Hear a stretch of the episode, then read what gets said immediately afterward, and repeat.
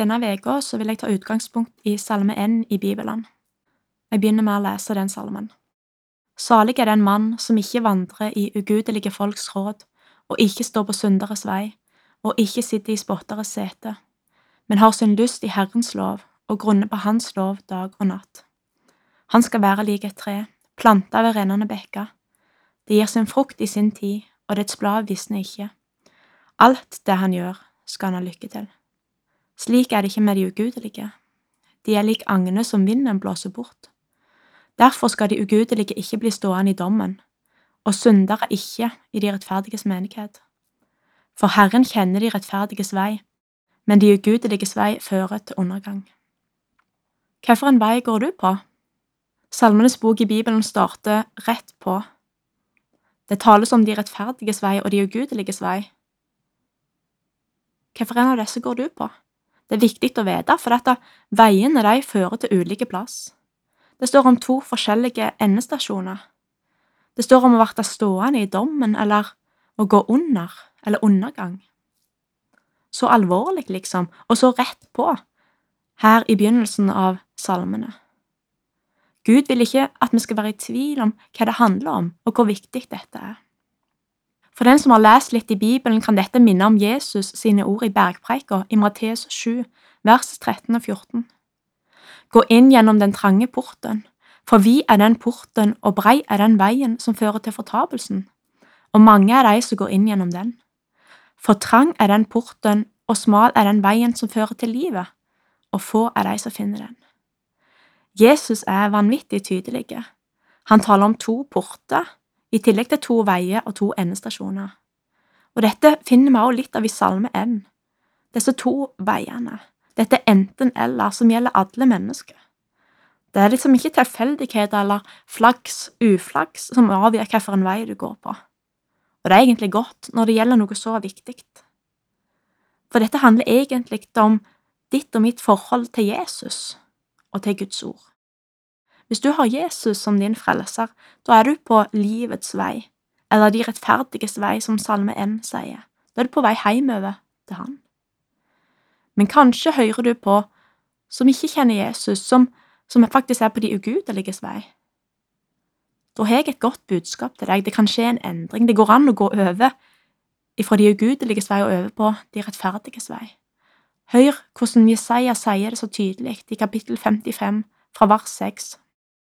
Søk Herren mens han er å finne.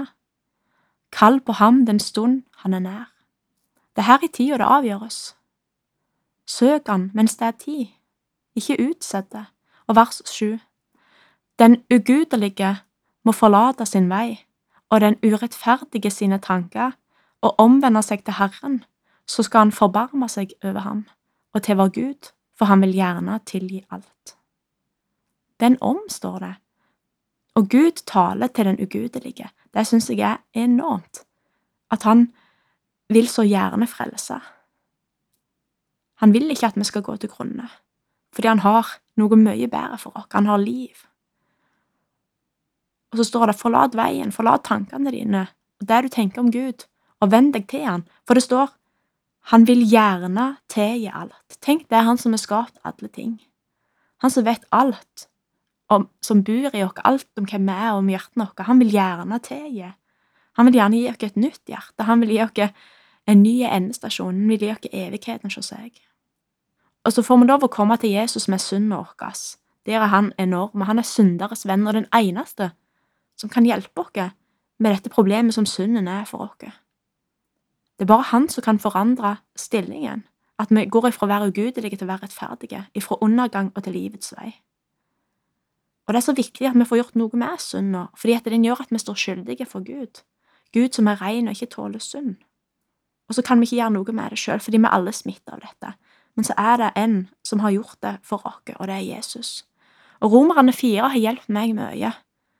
Der står det, den som har gjerninger, får ikke lønnen av nåde, men som noen har fortjent. Det betyr at hvis vi har noe å vise til for Gud, da ligger vi egentlig dårlig an. Da må vi be Gud at han må vise oss hvor hjelpeløse vi er innenfor en hellige Gud. Men så står det i vers fem, den derimot, som ikke har gjerninger, men tror på ham som rettferdiggjør den ugudelige, han får sin tro tilregnet som rettferdighet.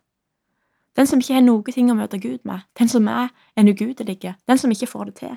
Gjerne er du til med der at du ikke får til å tro. Så står det at du blir tilrekna en rettferdighet hvis du tar din tilflukt til Jesus.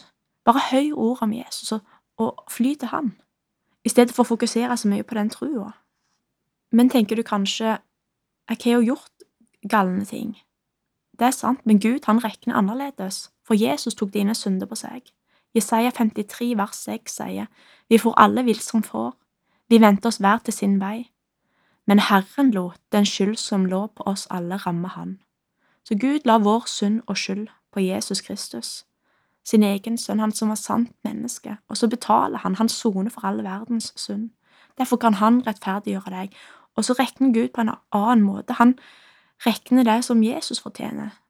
Det fortjener vi, fordi at Jesus, som var rettferdig, han ble gjort til synd for oss. Og så skjer det et plassbytte. Han levde fullkomment, men så får vi del i det fordi han døde med all verdens synd på seg. Og så er ikke Gud urettferdig så han krever betaling to ganger, men Gud er ferdig med det. Derfor så kan vi tro dette og ta imot det, så får vi del i det. Og så går du over da, fra de ugudeliges vei til de rettferdiges vei. Så får du en ny endestasjon, ikke undergang og fortapelse, men liv og det å bli stående for Gud, på grunn av at det er en annen person som har tatt seg av din frelse. Takk, Far i himmelen, fordi at du ikke regner sånn som oss, men fordi at du regner soningen til Jesus. Takk for at den gjelder for alle, Herre. Takk for forsoningen. Amen. Marie Hornes delte Guds ord med oss for denne gang i serien Over en åpen bibel. Den produseres av Norea Mediemisjon, hvor du finner vårt rikholdige arkiv av andakter på norea.no.